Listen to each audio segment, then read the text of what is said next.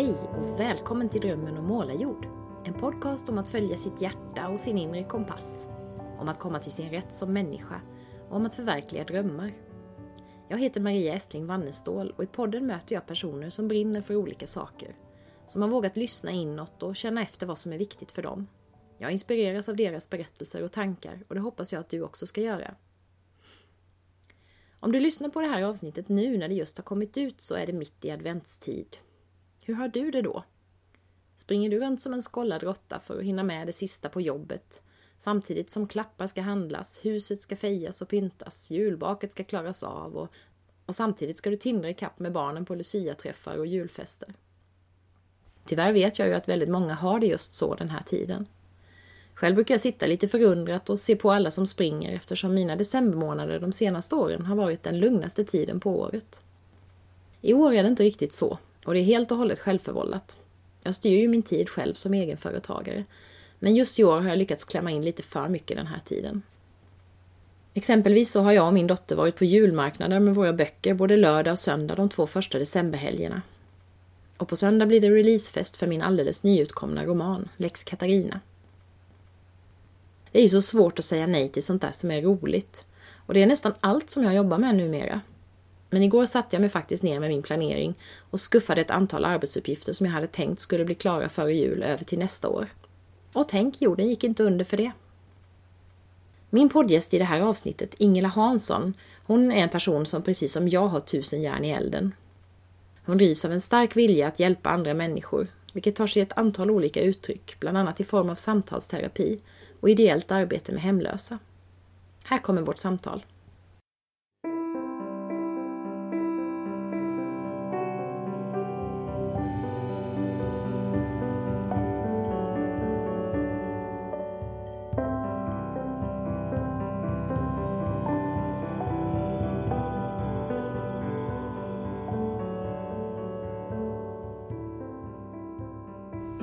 Om dig så slås jag av att du är lite som jag, tror jag. Du har massor med olika saker igång.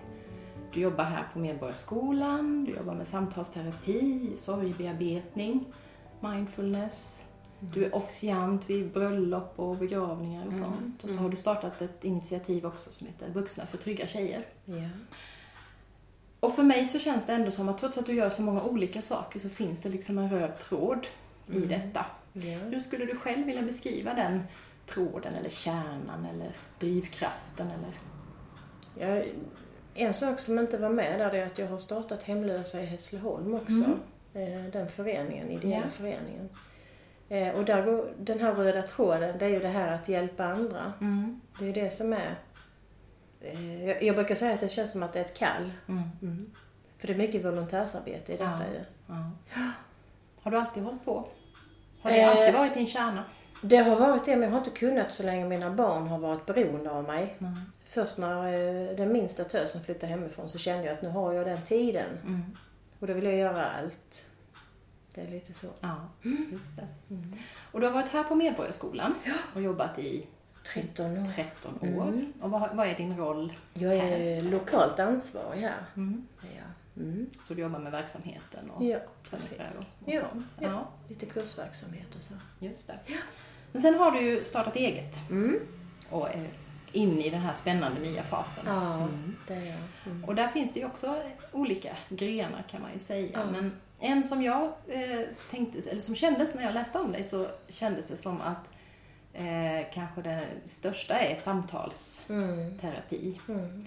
Eh, med lite olika verktyg. Mm. Och där har du också sorgebearbetning som Mm. en del av det. Och Jag tänkte vi ska prata om båda de här för det är intressant. Mm. Båda delarna de går ju ihop också såklart. Mm.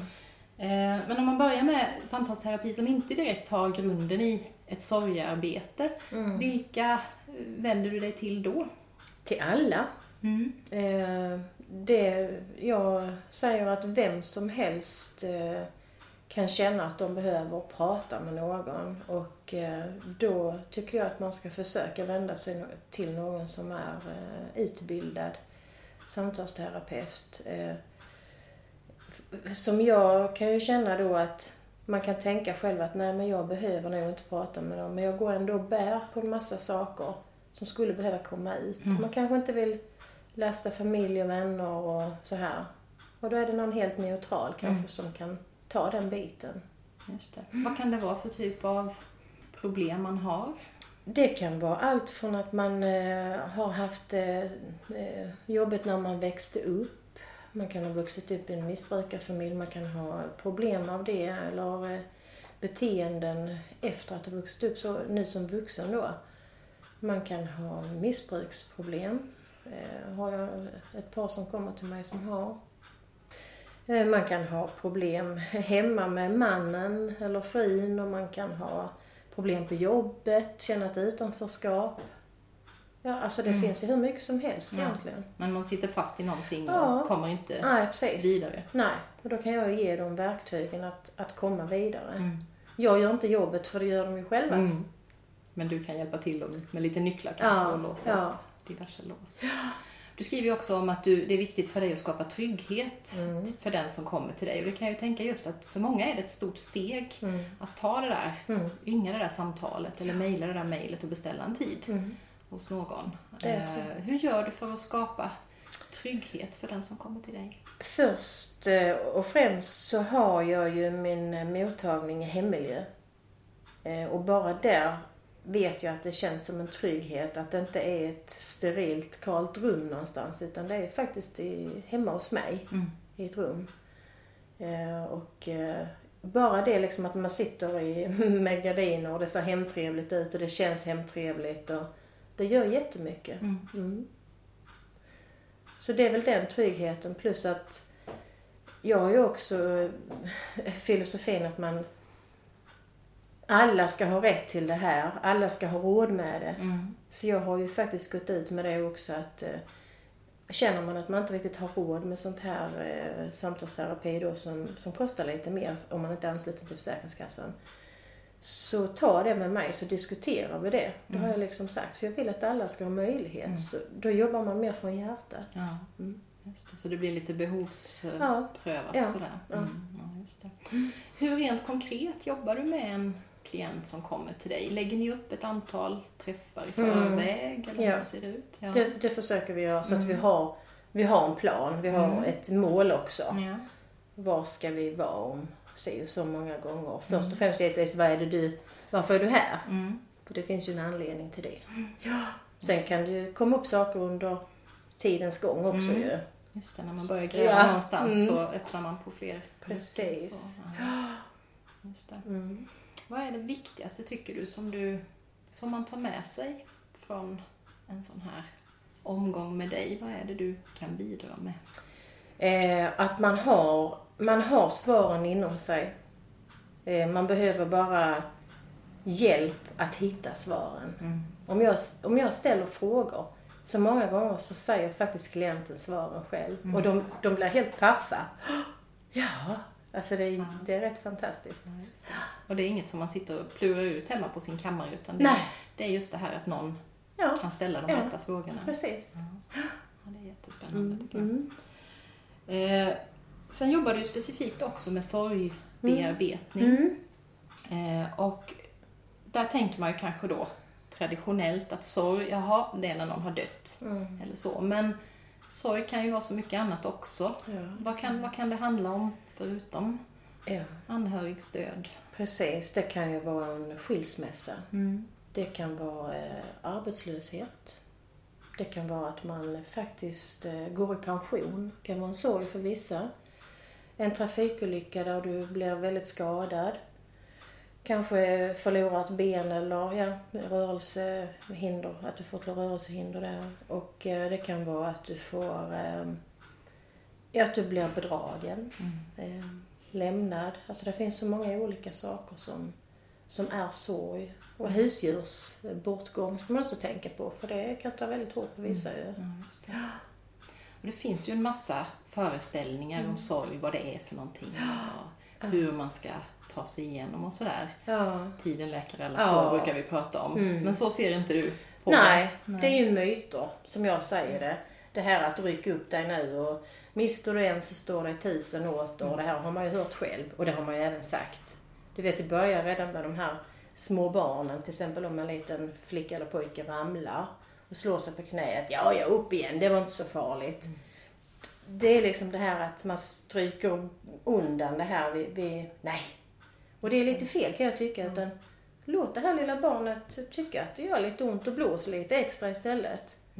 Mm. Är vi rädda för sorgen? Tror du det är därför vi liksom vill sopa den ja. mattan? I Sverige är vi jätterädda ja. för sorgen. Och död, döden i sig är vi döden väldigt rädda för. Mm. Ja, för är, där finns det ju stora kulturella mm. skillnader. Ja. Hur vi mm. går in i sorgearbete mm. och så. Mm. Ja, vad, vad, vad, skulle du säga är största skillnaden mellan Sverige och kanske andra kulturer? Ja. Den största skillnaden som jag ser det, det är väl att de flesta i Sverige dör på sjukhus. Mm. Och att man eh, kanske inte ens har den här, eh, vad ska man säga, likvaka hette det ju förr. Eh, bisättning heter det väl idag.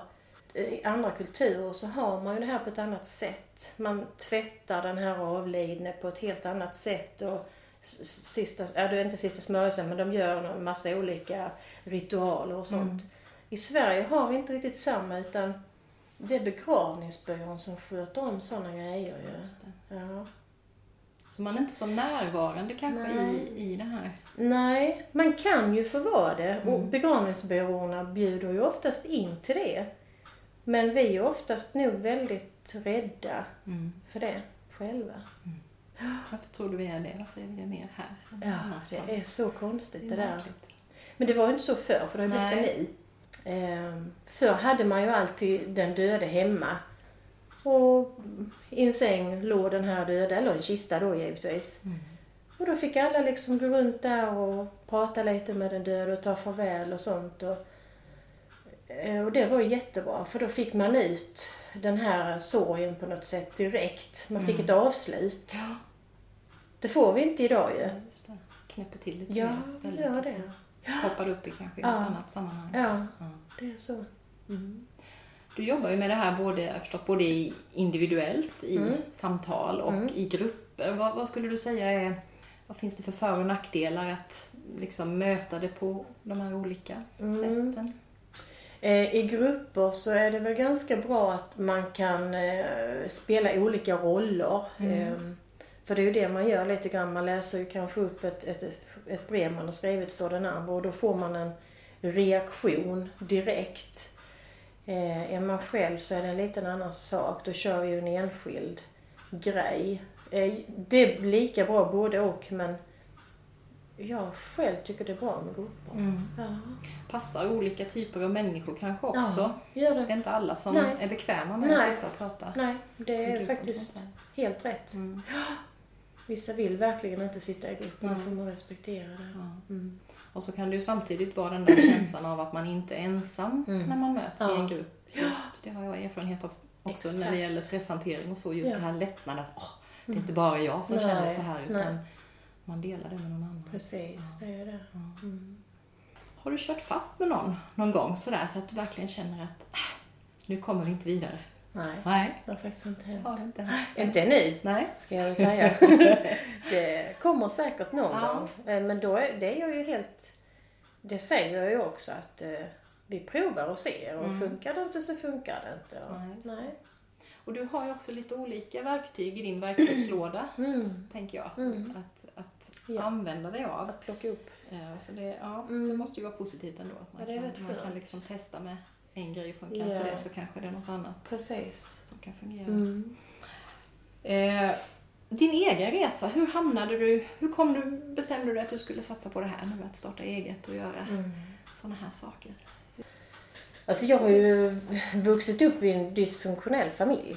Eh, och eh, min pappa var alkoholist och min mamma var väldigt medberoende. Eh, och eh, jag fick ta väldigt mycket ansvar som, som barn. Mm hade en storebror också som flydde hemifrån. Så jag tog allt. Det blev lite så. Eh, och sen eh, tyvärr så, eh, min bror blev också missbrukare då. Så att eh, både min bror och min far, de tog livet av sig. Mm. Med fem månaders mellanrum och då var jag 20 år. Eh, och det har gjort någonstans att jag har känt att det här måste jag liksom, jag måste göra något av det. Mm. Det kan liksom inte vara förgäves utan det låter kanske hemskt att säga som jag gör nu, men jag måste ändå säga det att någonstans har jag hittat en styrka i deras, eh, deras bortgång. Mm. Ehm, hur jobbigt det än känns och hur stor saknaden än är så, så känner jag att jag, jag kan hjälpa andra genom att ha gått igenom det. Mm. Ja. Och det tänkte jag just på som terapeut eller coach Mm. eller så här att, att ha sina egna erfarenheter. Man har ju sin utbildning och man har massa av det här liksom Mm. formella men jag tänker också att ha egna erfarenheter. Jag har haft nytta av det när jag har jobbat med stresshantering för jag har själv varit i väggen och vänt. Mm. Ja. Jag vet vad jag snackar Ja. om. Och det har jag fått mycket positiv feedback för just att, Mm. att jag, jag tänker att det måste vara svårare liksom att hantera sådana här situationer om man inte alls har... Alla går vi ju igenom saker men Ja. det kan ju hända att man, man liksom kommer in på spåret innan man har hunnit uppleva så mycket. Precis. Tänker du så också med att man, att man liksom... Blir man en bättre terapeut om man själv har lite skit med sig i bagaget tror du? Eller? Om jag hade fått välja en terapeut själv eh, så hade jag nog valt mellan en som hade egen erfarenhet och utbildning och en som hade bara utbildning. Ja. Då hade jag valt personen som hade egen erfarenhet och Ja. utbildning. Ja. För du har en helt annan förståelse för din klient när Mm. du har gått igenom en massa saker själv. Och inte bara läst dig till dem. Nej. Nu säger jag inte att de är sämre, för det är de absolut Nej. inte. Men du har ändå en annan känsla i din, i din terapeutroll, Mm. tror jag. Eller det vet jag att så Ja. är det ju. Och just det här att kunna växla mellan att luta sig på sin utbildning men att också kunna ta exempel till Ja. exempel från sin egen Mm. verklighet. För det tror jag ju ofta just det här att man, att man behöver konkretisera saker. Man behöver tala om så här kan det vara i just den här situationen eller så. Mm. Det, det tror jag, som jag själv i alla fall, att jag Ja. har lättare att ta till mig någonting som Ja, kan beskrivas med ett konkret exempel. precis. Ja, men så är det ju. Absolut. Ja.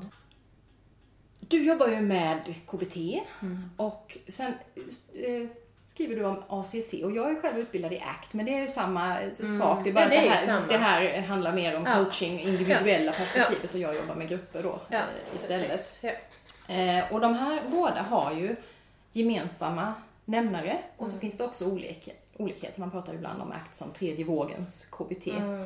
Hur ser du på det just som olikheter, komplement?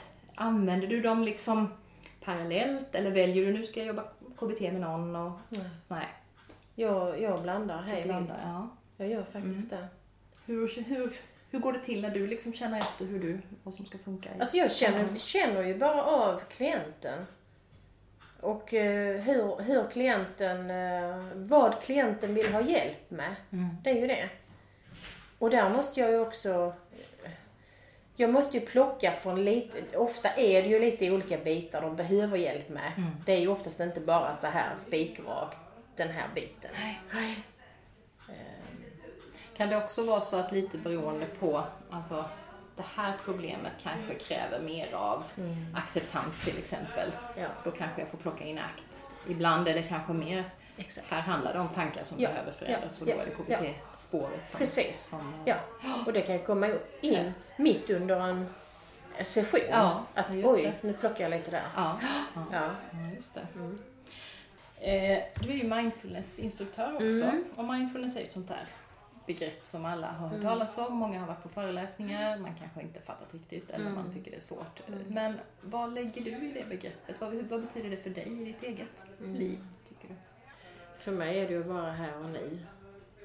Eh, att verkligen stanna upp och meditera och vara här. Inget annat. Nej. Inte, inte tänka eh, på det som kommer eller det som har varit. Utan vi är här. Mm. Har du speciella stunder i livet när du är extra närvarande sådär? Ja, eh, fast jag har ju, då gör jag ju faktiskt det. Det är har barnbarnen. Då, då är jag extra närvarande. Ja. Och Barn, man brukar prata om det, barn och djur får en, Mm. de är duktiga på det där just. ja, det är så. Ja.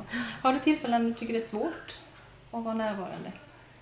Ehm, ja, det händer ju faktiskt det också. Det är när jag är stressad och då får jag försöka att tänka mindfulness Ja. själv. Ehm, men jag brukar faktiskt meditera en hel del också. Mm. Ja, jag tar ett varmt bad och så lägger jag mig och mediterar. Och brukar ha en ehm, eh, The Secret Garden med Iris Hall. Det är liksom min grej. Ja. Mm. Så släpper jag allt. Mm. Sen gör du något spännande också. Eh, Det här med att vara officiant vid bröllop, begravning, dop Mm. och så här. Alltså om man vill ha en ceremoni men man vill inte Mm. knyta den till kyrkan. Hur kom den tanken att du skulle göra sånt? Alltså det var ju faktiskt eh, en eh, kompis till mig som frågade om jag skulle kunna tänka mig viga dem i trädgården. Ehm, och eh, det tänkte jag att det kan jag ju inte göra för jag är ju inte präst så. Så sa hon, nej men vi, vi gifte oss borgerligt innan och sen vill vi ha en, en vigsel i trädgården ändå liksom. En vigselceremoni. Så att jag, ja vi planerade den tillsammans och genomförde det och det blev jättefint. Eh, och sen så har jag även eh, haft eh, namns, namngivningsceremoni. Eh, och det gick också jättebra. Ja. Så att det är väl lite vad man gör det till. ja. Mm. Hur, hur skiljer sig en sån från en traditionell religiös? Alltså, Mm. Skapar man den stämningen tycker du på samma sätt? Det gör man. Eh, Eftersom vi pratar ju, vi har ju inte alls haft några mm, kyrkliga Nej. inslag utan de har ju valt musik som de har känt, har, de har relaterat till som betytt någonting för dem och dikter och så här och jag har ju hjälpt dem givetvis med det. Men eh, nej, det har varit så himla opretentiöst på något Ja. sätt ändå. Ja, väldigt fint. Ja. Ja. Då har du gjort lite så inofficiellt, för det finns Ja. väl också någon, Mm. man kan också bli officiell sån här. För jag Ja. har nämligen varit sugen på det här Mm. själv, så därför blev jag så nyfiken på Ja, det. men det måste du vara? Måste vara politiker. Ja, fast det fanns andra varianter Gör också. det? Ja, för jag känner några som har gjort sådana här och, och det som inte är politiker. De flesta är nog det, men, men det Ja. finns andra också. Så att det finns andra vägar att gå, så jag är lite nyfiken på det. Jag Ja, ska ta just reda på det. det. Det får du undersöka. Får du Jag gillar det också det där med ceremonier Ja, och ja. skapa någonting Precis. vackert. Och vi Ja. har gjort det med våra barn, har gjort namngivningsceremonier och tycker de har blivit så otroligt fina. Så det skulle vara... Precis. Men också att få vara med om sådana ögonblick Mm. som är viktiga för Ja. människor. Det, det, det är ju ett sätt också men det att, att komma nära Mm. andra. Precis. Du, sen har du ju också ett spännande initiativ på ideell basis. Det här eh, Vuxna för trygga tjejer. Mm. Vill du berätta lite om hur det Ja, kom till? det var ju så att i, ehm, ja, i årsskiftet nu 2015-2016 så hände det ju ganska mycket med tjejer som blev antastade och trakasserade, sexuellt trakasserade. I Köln var det ju. Eh, och sen hände det även i Kalmar. Det var runt nyår där ju. Det. Och då blev jag så, jag blev så förbaskad. För att jag har själv två vuxna tjejer och sen har jag liksom en flicka, barnbarnsflicka som är tre nu då. Och jag bara tänker att nej, min sju, det här, det, jag tolererar inte det. Jag måste göra något. Så då tänkte jag att eh, jag måste göra en manifestation. Så det gjorde jag. Eh, jag sa till mina vänner, är det någon som vill vara med på detta? Så vi fixade en manifestation här i Hässleholm den 20 februari. Där vi hade föreläsare, lite självförsvarsuppvisningar och lite musiker och nere i hembygdsparken. Och eh, ja, det gick jättebra. Fast det var, det var nog årets sämsta dag vädermässigt. var det faktiskt. Februari är ju Ja, alltid det var hemskt. Ja. Ja. Men eh, vi var nöjda, det gick bra. Det blev varmt. Varm Ja, stämningen då. ja värmde hjärtat. Så hade vi tryckt upp mössor då som vi sålde. Där stod Sluta tafsa. Ja. Sen sålde vi dem både på nätet där på, hems- på Facebook-sidan och på plats. Sen skänkte vi pengarna till Lab Nepal. Så att det kändes jättebra att kunna hjälpa till där. Ja. Mm. Och sen har ni fortsatt på festivaler och Ja, så här. sen har vi haft vår Facebook-sida och eh, så här, eller vi har två. Sen startade jag en Facebook-sida till för sen började det hända en massa på festivalerna här hemma med ju. Det har varit väldigt mycket Mm. prat om det nu i Ja. sommar. Så då kände jag att nej minsann, nu måste vi göra ännu mer. Nu måste vi ut på festivaler. Så då tog jag kontakt med lite vänner igen. Eh, bland annat några av dem som var med sen innan. Och då bestämde vi att vi bildar föreningen eh, Vuxna för trygga tjejer. Så nu är vi ute på olika festivaler och samarbetar med arrangörerna faktiskt. ja. Med security och så. Just det. Mm. Och ni har ju fått, ni har fått med er kända personer Ja. sponsorer Ja. och allt möjligt. Mm. Ja, hur Ja. har det gått till? Det har, Ja. det varit enkelt? Alltså det, vi har ju en fantastisk ordförande, Marie Strömdahl, som eh, hon, hon, är ju, hon är jättebra på att fixa sponsorer och så. Ja. Hon sitter och fixar och donar med det. Hon har fixat hemsidan och Ja, ja. så man kan, just att man kan känna det här att man är starka tillsammans. Ja. För det är ju lätt att bli en Mm. eldsjäl som kämpar på och kämpar på. Ja, Men att man kan vara många som kan precis. hjälpas åt. Ja, absolut. Har ni känt liksom verkligen att ni har kunnat, alltså närvaron, att den har gjort skillnad Ja. där ni har varit? Jättestor skillnad. Positiv respons? från- Ja, ja. Både från arrangörer och från tjejer. ja. Från ordningsvakter. Från security. Alltså det har varit ett riktigt, riktigt bra eh, gensvar. Är det just det att ni är vanliga människor då Ja. i detta hav och Mm. ni är inte de uniformerade Nej, vakterna precis. och poliserna? Vi har våra rosa västar där Ja. det står trygga tjejer på. Ja. Eh, hashtag trygga tjejer står det faktiskt. Eh, och det, det är någonstans så ser de att vi är vanliga vuxna. Mm. Vi är liksom inte några med batonger och grejer. Ja. Just. Och, och just att vi kan gå inne bland publiken. Mm. Det är ju guld värt för både ordningsvakterna och poliserna för det kan ju inte de. Just det. Mm. Sen nämnde du det här med hemlösa i. Hässleholm. Vill du säga någonting om Mm. det också? Ja, det startade ju för, ska säga, två år sedan är det nu vi började. Var, vi var två tjej, tre tjejer som startade detta då. Eh, och vi fick för oss att vi måste hjälpa de hemlösa. De har inte det lätt alltså. Så då började vi dela ut frukostpåsar här på stan i Hässleholm. Mm. Försökte leta upp dem, men det var ju inte helt lätt. Så pratade vi med kyrkan och då sa de att nu, ja vi frågade om vi fick vara i deras, eh, i församlingshemmet då. Och det var inga problem, så vi har varit där nu i två år. Mm. Och vi har bildat förening då, ideell förening. Och eh, vi delar ut frukost både lördagar och söndagar. Mm. Vi är 25 stycken som är aktiva i, i frukostgruppen. Vi delar ut kläder, eh, hygienartiklar, batterier till hörapparater, mediciner hjälper vi dem om de behöver, busskort, Mm. Mobilkort. Och hur samlar ni ihop? Hur får Mm. ni tag på detta? Eh, pri- ja, privatpersoner är så, de är så oerhört generösa så Mm. att vi, får, vi måste ha en loppmarknad nu för att göra av med lite grejer. Ni har fått en massa Ja, ja. till er. Ja, Ja. de är ju fantastiska. Ja. Och de swishar in och vi har suspended coffee här då på två utav fiken i stan. Och vi kommer snart till tredje faktiskt. Är det ett sånt där man kan betala för Ja, någon som kommer efter? exakt. Ja.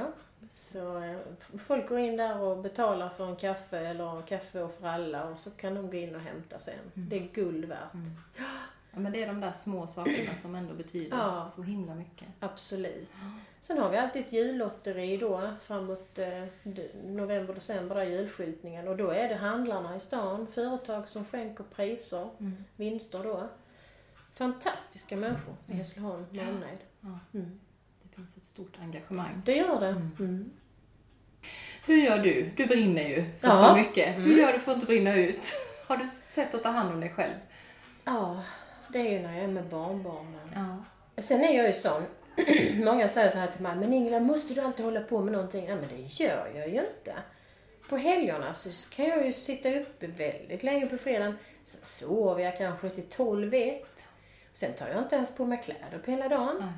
Och så jag kan till och med beställa en hämtpizza, alltså eller sån här pizza online. Ja. Du hör ju själv hur slö jag kan vara. Ja. Och så länge du kan göra det här så har du ändå en andhämtning, en paus.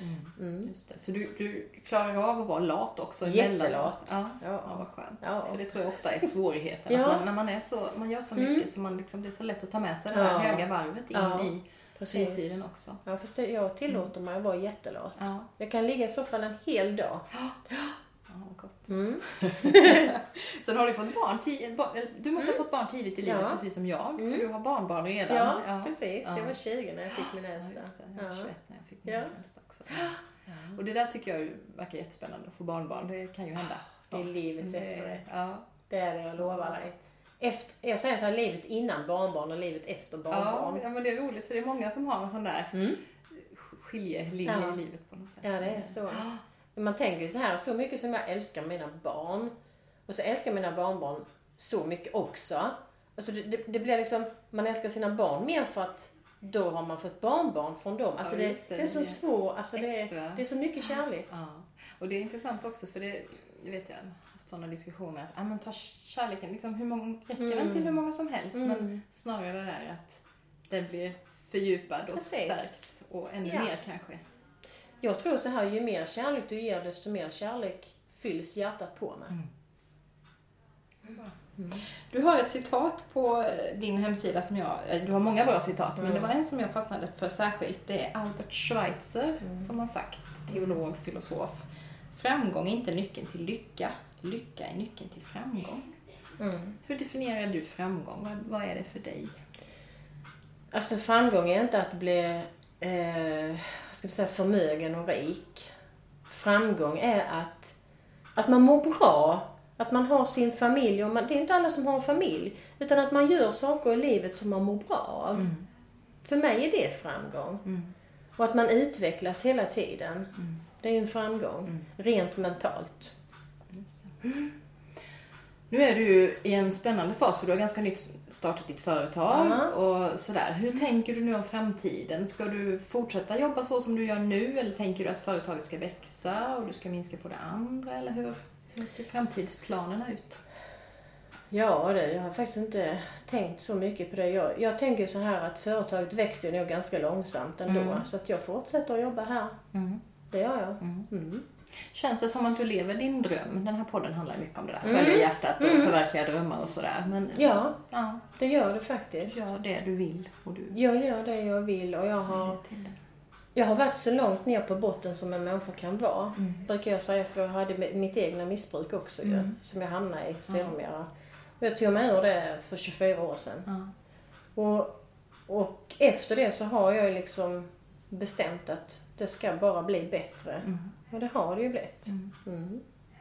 Finns det saker, har du någon sån här bucket list med saker du skulle vilja göra i livet som du inte har gjort än eller inte har prövat eller så? Eller Nej, att det- jag har alltid velat sjunga ett band. Ja. Det gör jag nu. Mm. Mm. Så det, vi har ett, eh, ett tjejband då, Ja. säger vi medelålders damer då, fem stycken. Sex stycken är vi. Ja, och ro- rockband. Mm. Så det är jätteroligt. Ja. Jag skulle vilja flyga segelflygplan. Eller segelflygplan, vad heter det, sånt, eh, sånt litet du vet. ja, just det. Det har jag gjort, för det fick jag i present av mina barn, spakar. Ja. Så det har jag gjort. Ja, ja nej. Det är...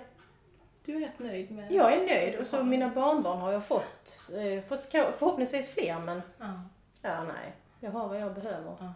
Vad härligt. Tusen tack för att du ville komma till min podd. Tack för att jag fick komma hit till Hässleholm och hälsa på Ja, dig. tack Lycka så mycket. till med allt Ja, spännande och viktigt du gör. Tack. Det gör du. Tack så mycket.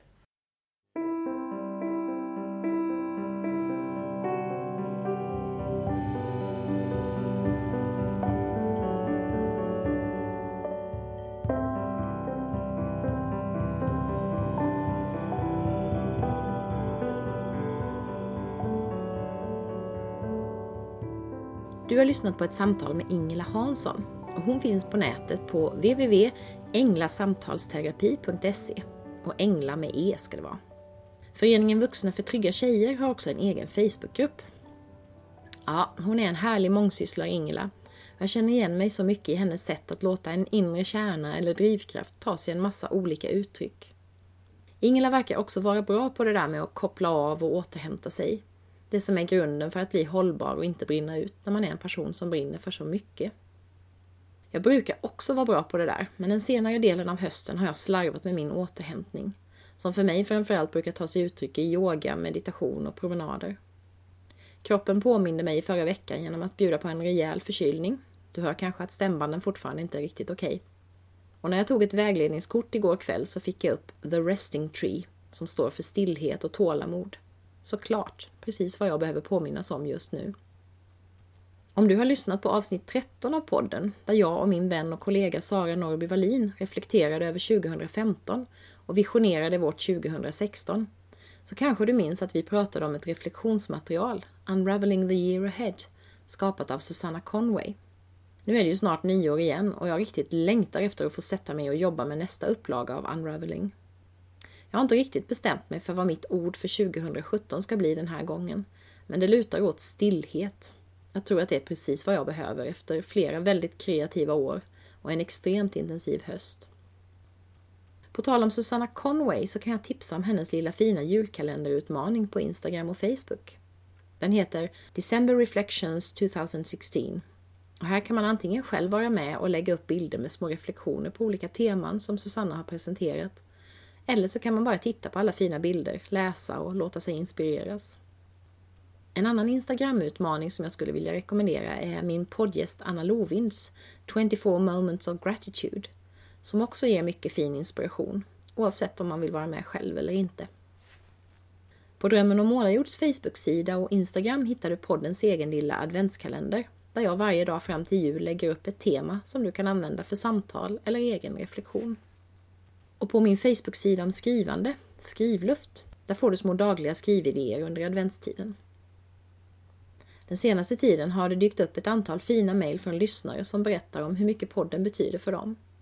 Ni anar inte hur otroligt glad jag blir för att någon faktiskt tar sig tid att sätta sig vid datorn och skriva till mig.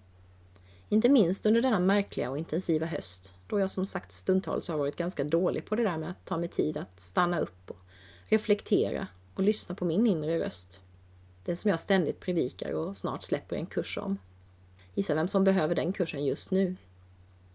Jag kommer att köra igång min kurs Den inre kompassen med ett antal provdeltagare i början av året och längre fram i vår släpper jag den färdiga varianten.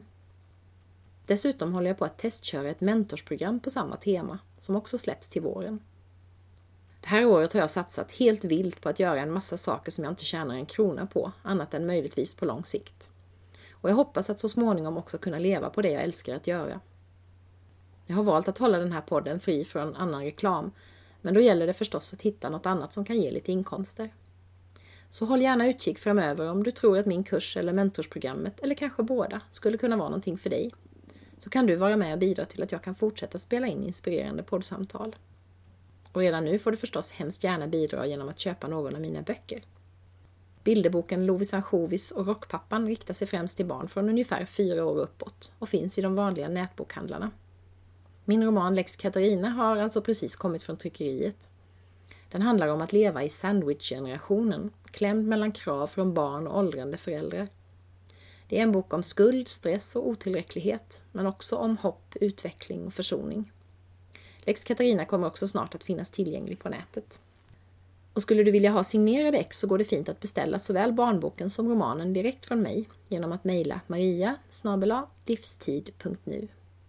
Om du vill vara säker på leverans före jul behöver du beställa senast den 15 december. Lagom till jul kommer Drömmen om Målarjords allra sista avsnitt för i år. Då ska du få lyssna på Amanda Martling som jobbar med hållbarhet för både människor och planet och som har varit redaktör för den fina boken Sånger från jorden som jag har skrivit om i min blogg.